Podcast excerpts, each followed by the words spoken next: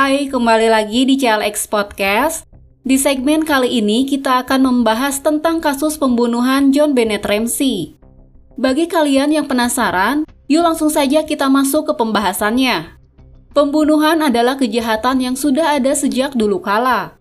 Tindakan menghilangkan nyawa orang lain masuk pada kategori kriminal berat dan akan mendapat hukuman yang berat pula. Ada banyak kasus pembunuhan di dunia ini, tapi ada beberapa kasus pembunuhan yang akan selalu kita ingat karena caranya yang keji, motifnya yang tidak masuk akal, atau pemilihan korban yang tidak biasa. Salah satu korban pembunuhan yang sampai saat ini masih menjadi bahan perbincangan adalah John Bennett Ramsey. Seorang anak berusia 6 tahun dilaporkan hilang setelah terakhir terlihat oleh orang tuanya berada di rumah mereka sendiri. Dia merupakan ratu kecantikan anak-anak West Virginia yang namanya sudah dikenal publik. Tidak berselang lama setelah melapor, polisi menyelidiki kasus tersebut dengan memeriksa sekitar rumah. John Bennett Ramsey sudah tewas di ruang bawah tanah rumahnya sendiri dengan kondisi mengenaskan. Kasus ini menjadi perbincangan karena misteri kejadian pembunuhannya. Sebelumnya mari kita telusuri kejadiannya lebih jauh.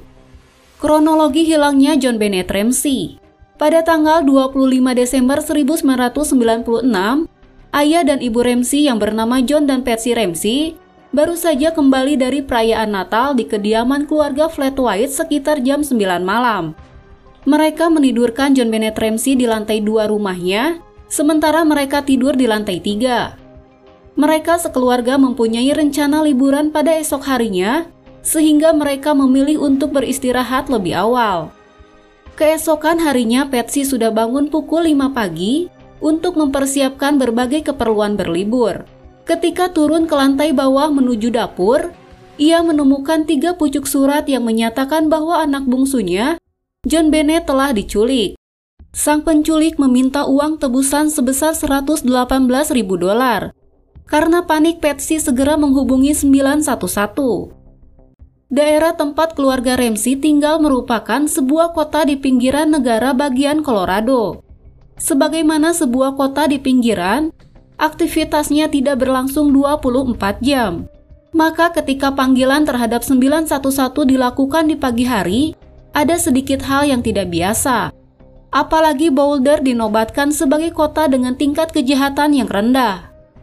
Sekitar 7 menit setelah panggilan, polisi datang ke rumah keluarga Ramsey. Sayangnya petugas polisi itu kurang cekatan, sehingga ia membiarkan tetangga keluar masuk tempat kejadian perkara. Siang hari tanggal 26 Desember 1996, Linda Ann yang merupakan seorang detektif mendatangi rumah keluarga Ramsey. Ia langsung memerintahkan untuk melakukan pemeriksaan secara menyeluruh di tempat kejadian perkara. Dengan rumah yang megah, polisi membutuhkan banyak waktu untuk memeriksanya. Mereka menemukan tubuh John Bennett yang sudah tertutup selimut, sementara mulutnya ditutup dengan lakban, kedua tangannya diikat di atas kepala, dan lehernya dililit oleh kabel. Ada banyak bercak hitam di tubuhnya, yang disebut mirip luka akibat sengatan listrik. Fakta yang sangat mengguncang dan sulit diterima oleh keluarga. Kejanggalan dalam kasus kematian John Bennett Ramsey Kematian John Bennett Ramsey yang hanya berjarak 8 jam sejak terakhir dilihat oleh orang tuanya dan terjadi di dalam rumah sendiri menimbulkan banyak pertanyaan. Bahkan orang awam sekalipun akan sulit menerima kejadian ini. Oleh karena itu, mari kita bahas kejanggalannya satu persatu. Yang pertama adalah keluarga Ramsey mempunyai rumah megah dengan banyak sudut dan lorong. Yang kedua, asisten rumah tangga mereka bahkan mengaku sempat beberapa kali tersesat. Janggal rasanya kalau si pembunuh bisa begitu saja membawa John Bennett ke ruang bawah tanah. Ketiga, ditemukan jejak kaki di dalam rumah, tapi tidak ada jejak kaki sama sekali di luar rumah. Padahal saat itu sedang musim salju. Keempat, Hasil otopsi menyatakan ada buah nanas yang sempat dimakan John Bennett sebelum tewas. Kelima, keluarga Ramsey mengaku sama sekali tidak tahu menahu mengenai urusan tersebut. Keenam, pembunuh John Bennett meninggalkan tiga pucuk surat yang intinya meminta tebusan. Untuk apa membunuh korban kalau pihak keluarga belum mengetahui anaknya diculik. Ketujuh, surat dari pembunuh terdiri dari tiga lembar. Bagaimana mungkin seseorang sempat menulis surat sepanjang itu dalam waktu singkat? Lagi pula, pola penculik ketika menulis surat adalah langsung pada intinya tanpa perlu bertele-tele. Kedelapan, setelah diselidiki ternyata tulisan di surat mempunyai kemiripan dengan tulisan Patsy. Dan yang terakhir adalah Jumlah uang tebusan yang diminta sama persis dengan jumlah uang bonus yang diterima John. Ia kemudian berasumsi mungkin ada rekan bisnisnya yang iri sehingga melakukan pembunuhan pada anak bungsunya. Tali yang melilit John Bennett menghadap ke depan, sementara kecenderungannya adalah menghadap ke belakang agar sulit untuk dibuka oleh korban. Selain itu, ikatan talinya pun longgar. Untuk mengikat tali di leher John Bennett, pembunuh menggunakan sebuah kuas lukisan. Kuas itu merupakan barang milik Patsy. Keluarga Ramsey menyewa pengacara tidak lama setelah kejadian, padahal mereka merupakan keluarga korban yang tidak butuh bantuan pengacara. Hasil otopsi dan bukti di TKP.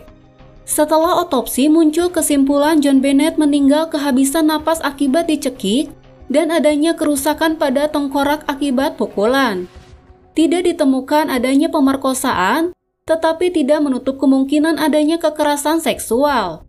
Waktu memeriksa alat kelaminnya, seorang patologis menyatakan alat kelamin John Bennett seperti sudah dibersihkan oleh pakaian. Ditemukan DNA pada kuas untuk melukis milik Patsy yang digunakan pelaku untuk mengencangkan lilitan kabel di leher John Bennett. DNA yang sama juga ditemukan pada celana dan baju tidur John Bennett.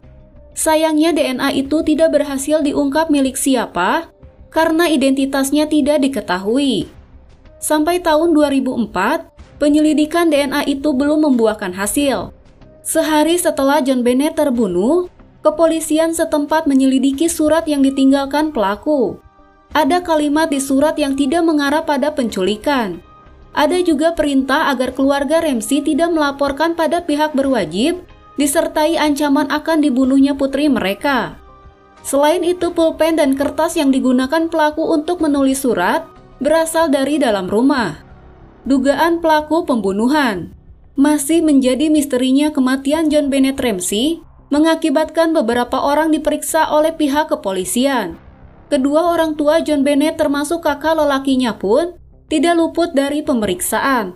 Apalagi masyarakat sudah mencurigai bahwa merekalah yang menjadi pelaku tewasnya John Bennett. Berbagai teori bermunculan tentang kematian John Bennett. Pertama, menunjuk Patsy sebagai pelakunya. Patsy dicurigai membunuh John Bennett tanpa sengaja, sehingga dia memalsukan kematiannya dengan menjadikannya tindakan penculikan dan pembunuhan. Selain Patsy, Brooke yang merupakan kakak John Bennett juga dianggap bisa melakukan skenario serupa. Orang luar yang dicurigai adalah Bill McReynolds. Dia mengunjungi rumah keluarga Ramsey dua hari sebelum kejadian. Kecurigaan terhadapnya diakibatkan adanya motif sakit hati karena anak perempuannya juga diculik 22 tahun sebelum kasus John Bennett. Selain itu, istrinya juga pernah menulis cerita tentang anak kecil yang dianiaya dan dibunuh di ruang bawah tanah. Bill kadang menggunakan pakaian Santa Claus yang dianggap bisa memudahkan dia untuk membujuk John Bennett ikut ke ruang bawah tanah. Tuduhan itu gugur setelah diperiksa, ternyata dia mempunyai hubungan yang erat dengan John Bennett. John Bennett pernah memberi sebotol glitter pada Bill, padahal ketika Bill menjadi Santa, tidak ada satu anak pun yang memberinya hadiah. Gary Olivia menjadi salah satu orang yang dicurigai sebagai pembunuh John Bennett polisi menemukan foto John Bennett di dompetnya ketika melakukan pemeriksaan. Selain itu, teman dekatnya pernah dihubungi oleh Olivia sehari setelah kejadian, dan Olivia bercerita jika dia sudah menyakiti seorang anak perempuan. Sementara itu, di Boulder tidak ditemukan kasus kekerasan terhadap anak perempuan yang lain pada malam itu. Olivia semakin dicurigai karena teknik membunuh John Bennett dengan menggunakan kabel sama halnya dengan cara yang dilakukan Olivia pada ibunya. Hanya saja DNA-nya tidak cocok dengan yang dimiliki kepolisian. Tidak beberapa lama setelah itu, John Makar mengirimkan email yang menyatakan bahwa dialah pelaku pembunuh John Bennett setelah 10 tahun kejadian itu berlalu. Polisi menangkapnya di Bangkok, Thailand. Setelah melakukan penyelidikan lebih lanjut, ternyata Carr yang berprofesi sebagai guru sekolah dasar hanya mencari popularitas saja. Sampai saat ini pelaku pembunuhan John Bennett masih menjadi misteri dan belum terungkap. Mungkinkah kasus ini pada akhirnya akan terungkap atau malah sebaliknya?